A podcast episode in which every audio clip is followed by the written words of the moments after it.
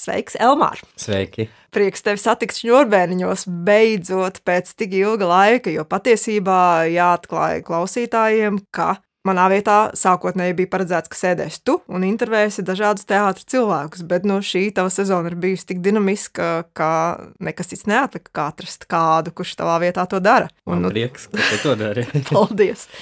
Runājot par dinamisko sezonu, tiem, kas nezina, jāsaka, ka tā tava geogrāfija ir apskaužama, un es jau arī pati tev vairākas reizes teikusi, ka patiesībā ar tādu baltu skaudību, bet, nu, ka patiešām man skauž, ka mēs neizbraucot no Latvijas valsts, tad dzīvojam visu sezonu, bet, nu, tev ir iznācis strādāt Igaunijā un Krievijā. Un Lietuvā. Un Lietuvā. Šobrīd es atgriezies no Maskavas un sācu mēģinājumus sapnim vasaras naktī Nacionālajā teātrī.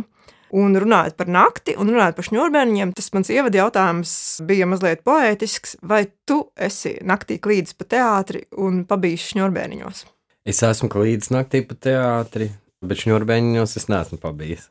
Tātad, tu, principā, simboliskā nozīmē šņurbēniņos esi pirmo reizi. Jā. Fantastiski. Es domāju, varbūt pēc šī raidījuma to tomēr to vajag īstenot un uzkāpt līdz šņurbēniņiem. Nacionālā teātrā ēkā, jo citās to vairs šobrīd netiec. Tu esi tagad iespundēts šeit un strādā Šekspīru. Bet, ja tiešām nopietni, tad mans jautājums faktiski ir par to, vai teiksim, šī iespēja strādāt ārpus Latvijas vai tie ir griesti. Principā, kas ir tie griesti šodien režisoram spēka gados, ņemot vērā, ka konteksts, kādā mēs strādājam, ir Eiropas teātris, bet vai ir vēl kādi griesti, par kuriem es neiedomājos? Tas ļoti labs jautājums, jo Es, godīgi sakot, par to neesmu tā domājis. Es pat arī nekoķetēšu. Man, mani griezti vienmēr ir bijuši tieši mākslinieckie, nevis teritorijas ziņā vai arī panākumu ziņā. Protams, vienmēr ir eh, patīkami režisors strādāt eh, kādā kolektīvā, kas ir ļoti labs, piemēram, Maskavā, Google centrā, ka tev ir iespēja pastrādāt, piemēram, Kirillis Rebrinkovs izaudzināto kursu, kuriem ir kaut kāda sava estētika, savi teātra principi. To var arī pateikt par grieztiem, ka tu esi pelnījis pastrādāt ar tādu kolektīvu, ja? vai tu esi pelnījis pastrādāt Lietuvā ar fantastisku aktieru Darījusu Miškauskas, kuru jau mēs sadarbojamies jau otro reizi. Un tā satikšanās, man liekas, arī bieži vien ir tev griezt, ka tu liekas, tas nopelnījis, ja šo cilvēku ar viņu pabūt kopā vienā telpā un strādāt. Nu, laikam mani griezt vienmēr ir šie cilvēki. Ja, nu, ja man kādreiz būs tas gods pastrādāt ar viņu kādiem pasaules slaveniem aktieriem, tad tie būs mani griezti. Ja? Laikam es tā skatos, sadarbības formātā. Protams, nu, vienmēr jau mēs te smējamies savā starpā, nu, kad tā aviņona nāks un tam līdzīgi. Nu, tas pašreiz arī neskaitās jau vairs nu, viens no laikam tādiem spicākajiem festivāliem, bet, nu, ja tas pabijis aviņonā, tad liekas, nu, tad tas arī ir daudz. nu, laikam, jā, aviņona, Edinburga varbūt jaunās realitātes balva. Es teiksim, arī par tādām balvām domāju, kas ir tas augstākais. Nu, vismaz sapņot par ko varētu. Nu, laikam, jaunā ir pat nevis tā balva, bet lai balvai ir pamatojums, pēc viņai tās nosaukums jaunās realitātes balva. Ja tu teātrī spēj atrast vēl kādu zonu, kas ir nebijusi zona, kurā tu tikai esi pabijis vai tu esi viņu radījis, un tur tā autorība, patiesībā tava autorība, kur katrs režisors droši vien nonāk savā laika posmā, cik ātrāk, cik vēlāk. Protams, tāpēc tas atkal ir mans iekšējais panākums, ja es teātrī atradīšu savu realitāti, savu teātra valodu. Un, ja kādam tas būs interesanti un to atzīs arī ārpus Latvijas, tad tas arī būs, protams, liels panākums. Bet mm. tagad man jāsaka, brīnišķīgi pieskāries tādai nozīmīgai tēmai, jo nereti domājot par to, kas ir uzrakstīts, par ko vajadzētu rakstīt, vai ko vajadzētu redzēt arī teātrī un kino, ir tā sajūta, ka nu, vismaz man kā tādam baudītājam ir sajūta, ka nu, patiešām viss ir bijis. Es nezinu, tā, varbūt māksliniekam tāpat varētu būt tāda nomācoša sajūta. Ko tu vēl vari jaunu pateikt, un kā atrast to spēku, tiešām nu, meklēt un meklēt to jauno, jo mēs jau faktiski nezinām, vai ir tas jaunais vēl iespējams vai nē. Ja tu to uzzini tikai, nu, kā es saku, retrospektīvi, tad, kad tu esi viņu atradis. Mm -hmm. Bet cik tev pašam ir tādi, nu, nezinu, virzieni vai domas, kuros virzienos vēl tu varētu iet, lai kaut ko jaunu atrastu? Ja, nu, cik optimistiski tev liekas, ka tas izdosies?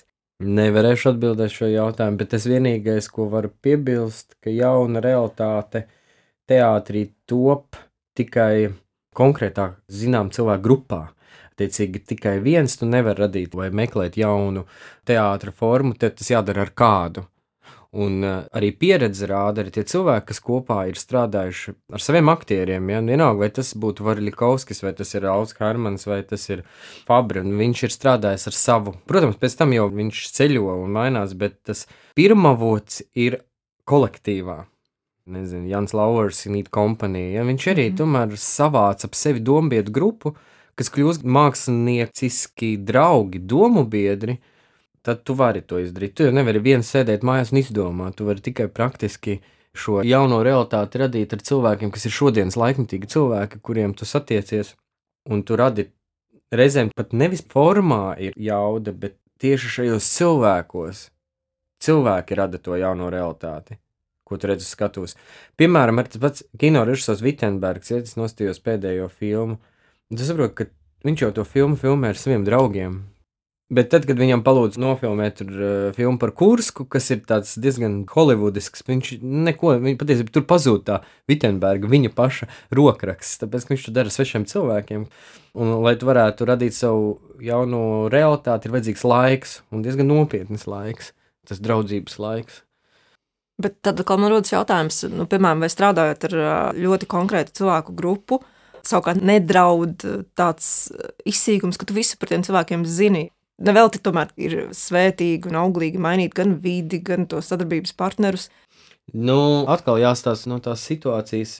Jebkurš kolektīvs, viņš jau izsīkst. Es jau nezinu, tādu nevienu kolektīvu, kurš vairāk par septiņiem, desmit gadiem būtu turējušies tā ļoti intensīvi. Varbūt viņi ir turējušies pa 20 gadus kopā, bet tiešām tas ziedu laiks viņam ir bijis kaut kāda tieši 5, 7 gadu periodā. Protams, vienā brīdī tā entropija kolektīvā sākas, un, un daudziem jau tur arī var to novērot citos teātros, kur viņi jau sen ir sākusies. Bet, protams, vispār mēs izliekamies, ka viņi joprojām ir, bet, bet tur jau vairs tā nu sen nav. Un tāpēc, manuprāt, uzvarētāji ir tie, kas mainās un nebaidās pateikt, jā, viss mēs esam izbeigušies, kā NO99 teātris. Ja? Viņi ļoti godīgi sev atzina, viss mēs esam izsmēlušies. Un man liekas, tā ir tāda drosme to atzīt un pateikt, ka šis laiks ir beidzies no 99 teātra. Un viņi neizliekas, protams, viņi kaut kāds izrādes vēl rāda, bet kā kompānija, viņi, un tā neizlikšanās un pateikt godīgi sev, jā, te ir jābeidz vai, vai jāsāk kaut kas jauns, tas prasa drosmi. Man liekas, droši vien ir eh, jāpaskaidro, ka ir runa par eh, teātris kompāniju, kas atrodas Tallinā. Mm -hmm. Igaunijā tā ir Igaunijas teātris grupa, kur savulaik bija ārkārtīgi ievērojama. Es arī nevaru nepiekrist, ka viņi savu apgāju sasniedz, un tad lēnām tas mm -hmm. kļuva jau mazliet vājāk, jo mākslinieciski, kamēr tas beidzās. Bet, ja mēs pieskarāmies Igaunijai, es tomēr atļaušos vēl arī pajautāt, ņemot vērā, ka teiksim, arī tu par šo izrādi divas garāžas, kas tapa brīvajā skatuvē, jeb laba laba, mm. runāja arī eh, mazliet citā kontekstā, bet panorāmā, runājot par to, kas notiek ar Covid Igaunijā, tad uh, līdz ar to diezgan plaša auditorija zina, ka tu tur biji. Tad uh, varbūt tu īsi, bet vari ieskicēt, ar ko tad šī tava jaunā izrāde, kas viņai bija kopīgs un kas atšķirīgs no tā, ko tu veidoji Nacionālā teātra aktieru zālē izrādē par tēviem. Jo es saprotu, ka tur ir zināma analoģija arī par tēviem. Mm -hmm. Darbība notika garāžā. Mm -hmm. Vienkārši, lai būtu tāds mazliet priekšstats, kā tad ir strādāt divi igauņu aktieri, divi latviešu aktieri, kā tas bija. Process eh, nebija vienkāršs. Jo sākumā bija radīts materiāls, luga, kur bija no Igaunijas puses, gan no Latvijas puses, tad divi dramaturgi uzrakstījuši. Un mēs ļoti daudz strādājām, man liekas, mēnesi pie tā materiāla, un mēs sapratām, ka tas nedarbojās. Mēs pēc mēneša vienkārši atteicāmies no šī materiāla. Tas bija nevisai patīkami, bet labāk atkal, ko es saku, ir saprast un pieņemt lēmumu laicīgi, nekā mocīties. Un mēs sākām pilnīgi no nulles, un mēs otro mēnesi strādājām ētīžu principu un radījām etīdes ar uzdevumu, kā atvieglot vai kā padarīt savu dzīvi labāku. Un, man liekas, šodien arī, kad mēs sēžam pandēmijas laikā, kaut kādā slēgtā vidē, un tā garāža arī mums ir tāda maza kaut kāda vieta, kurā mēs garāžu uztaisām par tādu performatīvu platformu, kurā šie cilvēki, kas tur dzīvo, viņi skatītājiem māca ļoti varbūt naiviem paņēmieniem, tiesībā kā dzīvot, kā rada kaut kādas ļoti vērtīgas lietas kas mums varbūt no malas šķiet varbūt absurdas, bet atšķirībā no Latvijas izrādes, tā izrāde bija mazāk teksta un vairāk darbības. Un mēs skatījāmies, kā cilvēki mēģina iepriecināt un radīt skaistas lietas garāžā. Un tu saprati, tik vienkāršs uzdevums, bet tas rada ārprātīgu prieku tam skatītājam. Un tur kaut kā fenomenāli tas nostrādāja. Mēs bijām gatavi diezgan ilgi skatīties, stundu 50, kā šie cilvēki mēģina ar mazām lietām atrisināt tādas globālas lietas. Piemēram, nu, lai saprastu mm -hmm. kontekstu, ka viņam garāžā pilns ar plasmas pudelēm, bet viņš absolūti pierādīja to, ka no plasmas pudelēm var radīt gan margarita glāzi, un izgriezt puķīti un iesaisties vecā mašīnas krēslā un justies kā Tenerifē. Tiecīgi, ka to brīnumu tu patiesībā var radīt šeit tepat, un tev nav jāmeklē. Protams, tur ir kaut kas skumjš tajā visā un traģikomisks. Vai mēs ilgi skatāmies, kā cilvēks mēģina pierādīt, ka viņš pievelk metālu, ka viņš ir magnēts, un mēs skatāmies, kā viņš liek karotes sev uz ķermeņa. Un tu nevari saprast, vai tas ir diletantisms vai tiešām tā realitāte. Nu, tiecīgi, viņš kļūst par tādām metaforiskām mainām, atkal tā kā dzējolis, patiesībā, kurā nav narratīva, bet tu skaties uz tādiem mazām, mazām performancēm, kas iegūst kaut kādu nozīmi. Nu, tas bija mans uzdevums. Bet šīs izrādes kontekstā, un tā kā tu par to stāsti, piemēram, par šo atteikšanos pēc mēneša darba no tā materiāla, nu, nereti, protams, mākslā un teātrī mākslā ir tā, ka, teiksim, tu saproti, ka kaut kāds materiāls nekalpo tam mērķim, kuru tu esi izvirzījis. Un tad man tas, tas jautājums, izmantojot iespēju, ir, kā var noķert to brīdi, kad tā ir objektīva nepieciešamība atteikties no iesāktā ceļa, kuru tu ej. Un kurā brīdī tā, teiksim, ir nu, kaut kāda robeža, ka tu nespēji vairāk piepūlēties. Bet, principā, ja tu saņemtos, uh mhm. -huh. tu izdarītu, un tas atmaksātos. To robežu var vienkārši noteikt tajā brīdī, kad jūti, kāda ir atmosfēra kolektīvā. Ja tev subjektīva sajūta ir, protams, viņi jāpārbauda, bet, ja tu redzi, lielākā daļa aktieru mokās, un tā ir problēma, tev viņus jāatbrīvo no šīs problēmas, jo savādāk šī problēma tikai samilzīs un viņa neatrisināsies, viņa tikai nu, vēl lielāka kļūs. Un to jau tev jājūt kā režisoram, kas notiek aktieros. Aktieriem jābūt skatus, viņiem jāspēlē šis teksts. Un ja viņi arī neatrod tajā prieku, vai viņi neatrod kaut kādu motīvu, kāpēc tas būtu jādara. Protams, nevajag uzreiz ar pirmo, nu, kad liekas, tu nesaproti. Viens ir, ka tu nesaproti, bet otrs, ka tu pats saproti, bet tev vienkārši neinteresanti. Un tas ir šausmīgākais, kas teātrī var būt, ka tev vienkārši paliek neinteresanti. Tad to nevajag darīt. Labāk iestudēt telefonu grāmatu, tas būs vienmēr interesantāk. tas ir ļoti sarežģīts uzdevums. nu, vai izvirzīt vismaz tādu uzdevumu. Ja? Nevis, ka tu saproti, ka tam materiālam ir ļoti zemi griezti, un tu saproti, tas vienkārši mākslinieciski nepiepilda nevienu ne otru. Režisors spēja vairs iedvesmot aktieru, aktieru režisors. Bet uh, tas ir saistīts arī ar tādu spēju riskēt? Jā, protams. Riskēt vispār vajag visu laiku. Tas ir mans moto teātrī, ko es pēdējos gados esmu paņēmis maksimāli riskēt. Laikam manā gadījumā ir viegli tā teikt, jo es esmu diezgan tāds veiksmīgs, veiksminieks, esmu bijis režisors, un man visi to ir vairākas reizes atgādinājuši, un es to arī novērtēju, un es to saprotu. Man ir viegli nācis ļoti daudz lietas, bet es nezinu no kā. Nu, varbūt no tā, ka es vienkārši strādāju. Tas arī ir viss. Es nedomāju, ka tā ir kaut kāda dāvana. Viņi ir jānopelna. Bet vienā brīdī es saprotu, es taču drīkstu riskēt un mazāk baidīties no zaudējuma. Jo bailes pēc būtības tev vienmēr sažņauts kā mākslinieku. To mēs arī visi zinām. Bailes paralizē mākslinieku, bailes nerada nekādu enerģiju. Strādāt bailēs ir grūti. Un tad, kad tu atbrīvojies un tu saproti, ka neviens jau nav teicis, ka tu nedrīkst riskēt, tad tu arī patiesībā vinnē. Jo, ja tu nebūsi riskējis un būsi zaudējis, nu, tad arī diezgan nepatīkami. Bet, ja tu esi riskējis un zaudējis, tad vismaz tev ir tas viens arguments, bet es vismaz riskēju. Un to novērtēs daudz vairāk nekā tu esi gājis drošu ceļu, un nevienmēr drošs ceļš novada pie laba rezultāta. Un tad ir vēl dubults zaudējums. Tad man te maza provokācija par risku un uh, baidīšanos. Jebkuram māksliniekam, bet nu, tomēr runāsim par režiju, ir svarīgas tādas taustāmas zināšanas par savu amatu, par savu profesiju. Jo tā mana sajūta arī klausoties tagad tevi ir, ka zināšanas lielā mērā ir iemesls bailēm. Jo tu zini tos dažādos negatīvos scenārijus, kas var notikt. Mm Un ka dažreiz, ja tu varbūt mazāk zini, tieši tādā racionālā līmenī, mm -hmm. ka tev ir arī vieglāk riskēt un vieglāk iet uz kaut kādiem negaidītiem risinājumiem, jo ir kaut kas, ko tu nespēji vienkārši arī iztēloties vai iedomāties, kādas tam būs sekas. Mm. Tas, ko es tev gribu pajautāt, cik svarīgi tev ir uh, zināt, apzināties, saprast, un cik ir svarīgi ļauties kaut kādai vienkārši intuīcijai? Intuīcija man vienmēr bija spēcīgā puse. Es vispār sevi neuzskatu par ļoti gudru un izglītotu cilvēku. Par to nedrīkst lielīties, bet, kā tu teici, man ļoti daudz lietas nav saprotamas un zināmas, un tas man atbruņo. Es varu tikai balstīties uz savu pieredzi. Un tāpēc mans uzdevums un mans mērķis vienmēr ir bijis Mārs Čimēls skola, DDD, darbs dara darītāju, un tas ir mūsu moto, un tu tikai no tās iemācies.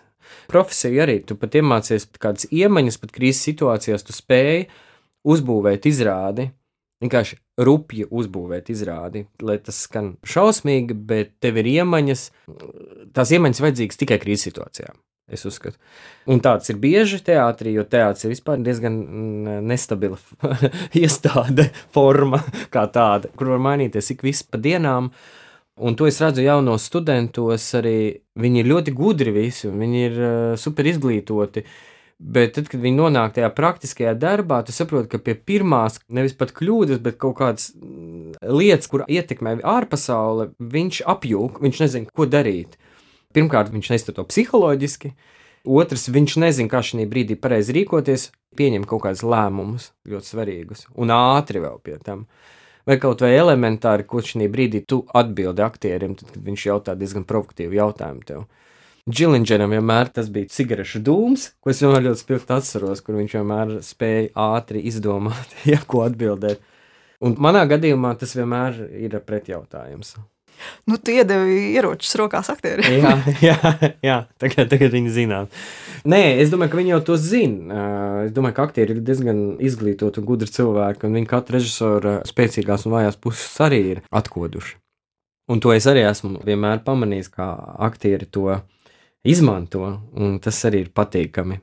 Un tas vēl patīkamāk ir, ka aktieriem liek, ka tu to nesaproti. tu to visu saproti. Un tad uh, tu tēlo muļķi, un, uh, un tu liec justies viņiem labi. Un otrādi mēs tieši tāpat režisori arī muļķojamies, un tā ir tāda spēle.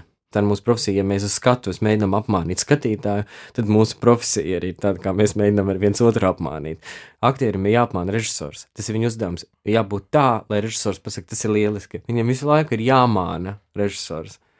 Un man ir jāmāna viņš, lai viņš izdarītu tā, kā tu vēlies. Un pa abiem kopā jūs meklējat patiesību. Ja? Jā, Mākslā. jā turklāt mēs visam meklējam patiesību. Jā. Klau, tā ārkārtīgi skaisti pameti tiltiņu uz manu iepriekšējo sarunu šņobērniņos ar Māru Čimeli. Un viņa stāstīja par studentu pierakstu kladītēm, ka viņa visiem kursiem, kas viņai ir, viņa lūdz, lai, nu, ceļš režisoriem, lai viņi veic pierakstus mm -hmm. gan ikdienas, gan domājot par mākslu. Un viņa rādio publiski visai Latvijai teica, ka viņa skaidri zina, ka Elmārs vienīgais to turpina darīt arī vēl tagad. Un tu nedrīkst viņu sarūktināt, tev ir jāpasaka, ka tu tiešām to turpini darīt. Vai tev ir tāda pierakstu kladīte? jā, man ir, jā, man ir, bet es viņā nerakstu diezgan bieži. Es šajā kladītē rakstu ļoti vērtīgas atziņas, ko es dzirdu no kādiem režisoriem vai aktieriem. Man liekas, nu, tas ir jāpieraksta. Jā, man tāda kladīte ir, bet es nerakstu par savām gaitām. Mm, es vairāk tiešām ļoti profesionāli kladīte. Bieži vien nāks kaut kādos kursos piedalīties. Viņi vienkārši elementāri strādājot ar studentiem, tu to kladīti atšķir un vērtīgi punkti, ko tu vari nodot. Un ļoti svarīgi, kas to ir teikuši, no kurienes es ņēmu ņēmis, man ļoti svarīgi vienmēr atsaukties. Piemēram, Pēters Klaus ir teicis tā, vai Mārķis Mel teiks, tā, nu tāds kaut kāds foršs sentences. Bet eh, darba procesu es nepiefiksēju. Nekad. Bet tas nozīmē, ka tu pēc gadiem nevarēsi publicēt. Nē.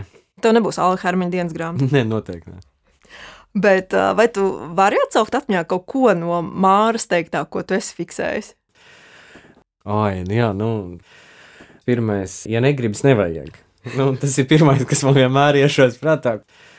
Tiešām neviens tev nepiespiež to darīt. Teātris nav piespiedu kārtā jādara. Tas man vienkārši vienmēr liekas sirsnīgākais, bet tajā ir tāda patiesība. Otrs, ko es vienmēr atceros, viņa saka, kāpēc tu neej prom no skatuves? Man liekas, tas ir arī izcils, un uh, es patiesībā pat dēļ šī viena teikuma esmu novadījis pat gan arī veselu kursu. Uh, kāpēc ne prom no skatuves, jo tas saistās patiesībā ar teoriju, kāpēc tu esi uz skatuves un ko tu gribi ar vajadzību, ar aktierisko vajadzību, režisorskā vajadzība, gribas darbību un tā tālāk. Tur patiesībā apakšā aiziet beigā teorija. Bet tas, kad aktieris kaut ko dara, un tad tu vienā brīdī gribi pateikt, kāpēc ne prom no skatuves, kāpēc tu vispār esi uznācis uz skatuves, man liekas, tas ir tas svarīgākais. Un tas ne tikai par aktieru, bet par režisoru. Un kāpēc tu vispār to dari? Pat arī, ja tu to dari, tāpēc, ka tev patīk arī tas ir arguments. Un, ja es redzu, ka tev tas patīk, tas ir diezgan spēcīgs arguments. Un vēl ir daudz profesijā strādā, ka redz, ka viņam tā profesija nepatīk. Un tad man ir rodas jautājums, un ļoti daudziem man gribētos to pajautāt, bet es nekad neesmu to pajautājis. Man liekas, ka gandrīz nekad. Gribas vienkārši tā apsēsties visiem aktieriem un pateikt, tagad parunājam, kāpēc mēs to vispār darām. Ko mēs ar teātri gribam sasniegt? Skaidrs, mēs esam darbā, mums maksā algu, to mēs visi zinām, bet tā pīstam, kāpēc to dara, ko tu tajā saskati? Un es domāju, ka ne visiem būtu uzreiz atbilde. Jo tāpēc mēs vienkārši to aizmirstam uzdot šo jautājumu. Arī es pats sev bieži vien aizmirstu to uzdot. Kaut kādā vāveres ritenī strādājot, tu pazaudē elementāru gribas vajadzību.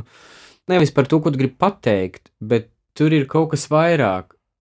Tas ir kaut kāds rituāls tavs nu, man ir tikai dažas reizes bijuši pie dažām izrādēm, ka tu nevari atnākt uz darbu, tāpēc tev ir grūti, bet tas ir saistīts ar kaut kādām iekšējām problēmām, kas ir kolektīvā varbūt veidojušās. Bet vienmēr es uz darbu braucu ar prieku. Nu, tiešām no rīta pamostos, tas ir super mēģinājums. Un pat varbūt arī slikts mēģinājums, bet es neko citu neprotu darīt. Un man liekas, ka tas ir eh, tik suprīgi, ka tu vari darīt to, kas tev patīk, un vēl saņemt par to naudu. Nu, man liekas, esmu ļoti laimīgs cilvēks. Es domāju, tik daudz cilvēku nu, dara pilnīgi kaut ko tādu, kur viņi nav laimīgi, un tikai lai saņemtu naudu. Man, man profesija ir brīnišķīga. Kāpēc man viņa būtu jānodod, mm -hmm. vai kaut kā pret viņu jāizturas pavirši, ja man ir Dievs dāvājis tādu iespēju? Tāpēc es negribētu nekad nu, nodot vai pazemot šo mākslu. Un tāpēc es nemīlu, ja to citi dara. Šī, protams, ir tāda nu, teiksim, aspekts, kurš būtu skaists sarunas nobeigumā, bet šī tas nebūs vēl nobeigums. Un runāt vēl par tām piezīmēm, tagad eh, man ir cita rakstura jautājums.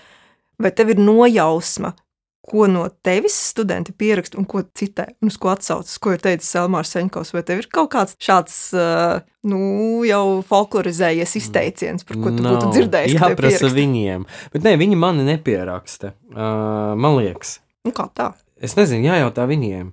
Es neesmu, man liekas, vēl tādā līmenī, lai man pierakstītu, bet ir, protams, bijuši kaut kādi nejauši izteicieni, kurā viņu sienas rakstījuši, bet es neatceros, ko es teicu. Bet tas bija kaut kas asprātīgs. Nu, tu aiz kaut kāda emocionāla brīža pasaki kaut ko neloģisku, un viņam tas liekas ļoti smieklīgi, un tas ir jāpieraksta. Bet um, nē, es ne, nezinu. Nepateikšu. Jājautā viņiem tiešām. Lūk, bet ar šo es arī faktiski gribēju publiski atgādināt, ka tu esi pedagogs. Un patiesībā, nu, man liekas, viens no nu, nemaz ne tik daudziem, kurš diezgan plūstoši beigdams studijas, jau diezgan drīz arī pats kļūst par pedagogu. Lai gan, nu, protams, tu neesi pilnīgi tā vienīgais mm. un unikālais gadījums Latvijā. Bet tāds tiešām labi redzamais gan. Un tad uh, man ir jautājums, cik tev tavā pedagoģa darbā strādāt ar aktieriem un arī ar režisoriem? Uh, nodara tas, ka tev ir arī tiešām pedagoģa izglītība, ne tikai tava profesionālā izglītība, bet arī pedagoģa izglītība. Cik tu tiešām to lietas lietā un vai tas dod tev, teiksim, kaut kādas papildus zināšanas vai prasmes, kā runāt ar studentiem, ceļš mūsdienās un ar šodienas brīvdomātājiem, jauniešiem, ceļš tādā mākslas nozarē. Cik tev palīdz tas, ka tu esi pedagogs?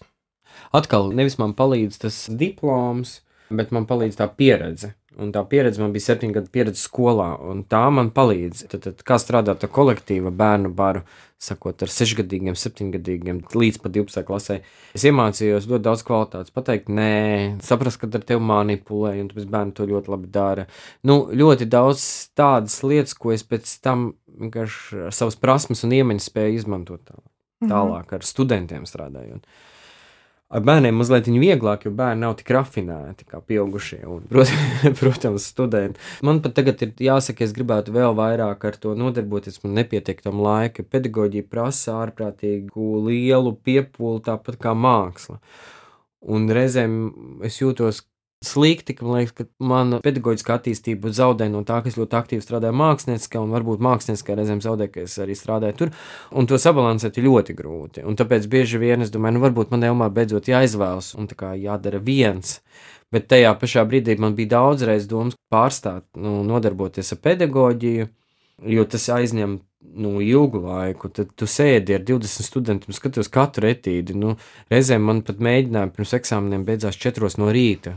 Tas nav vienkārši lekcijas, 2-3 stundas, kur novadu. Nē, tā ir dzīvošana viņiem kopā. Un tad es atkal sapratu, es nevaru aiziet prom no pedagoģijas, jo nav kas to dara. Diemžēl es gribētu vairāk, lai cilvēki, jauni cilvēki pievērš pedagoģijai, Tas nav pateicīgs darbs. Tā nav ļoti apmaksāta darba vieta. Mm, tā ir misija. Aina Matīs teica, nu, pedagoģi ir kamieļu pūtens tuksnesī. Nu, jā, tā ir misija.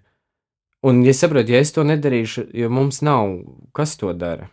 Un es neesmu tas super labākais pedagogs, jo man ir tajā jātīstās un pieļauju, ka mana pieredze palīdz būt pedagoģijai. Es nevaru nu nodarboties ar mākslu, jo tā ir mana pieredze, kas ir jāiemācās. Viņam ir jāiemācās prasmes un iemaņas, ko tu pats esi apguvis.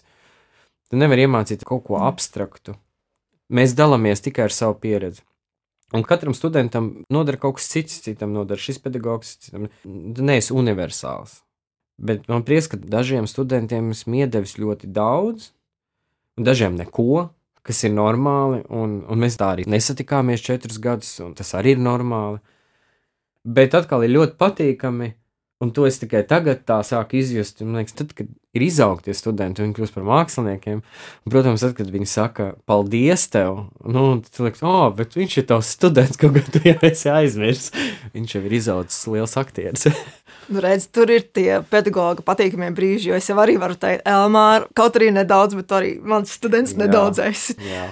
Klau, ar šo ārkārtīgi patīkamu sajūtu būt kādam par pedagogu, kurš pēc tam kļūst par lielu mākslinieku. Es nobeigumā tomēr vēlos tevi apsveikt ar Eduardu Smilģa balvu, kuru tev tikko piešķīra. Ceru, ka tu viņu kādreiz arī saņemsi par spīti šiem Covid ierobežojumiem. Un pats noslēdzošais varbūt ļoti īsi mm -hmm. tu vari pateikt, Nu, man liekas, ka smilģis tiešām ir man tikpat lielā mērā, cik tev vārds, jo mēs viņu neesam satikuši mm. savā dzīvē. Man liekas, ka ļoti ātri tomēr uh, cilvēks no tāda reālas būtnes kļūst par leģendu. Un tad ar ko tev šī leģenda smilģis saistās? Tieši kā leģenda, jo kā cilvēks mums viņš īsti nevar ne ar ko saistīties. Man viņš saistās ar to māju, ko viņš ir uzbūvējis, kas ir ļoti amizanti un nesaprotama. Nu, viņš bija traks. Nu, man liekas, ka viņš bija labā nozīmē, pilnīgi traks un brīvs cilvēks. Viņš stāvēja pāri kaut kādām sīkām lietām. Viņš bija pašpietiekams cilvēks, man liekas. Un viņš gribēja būt liels, un viņš bija liels.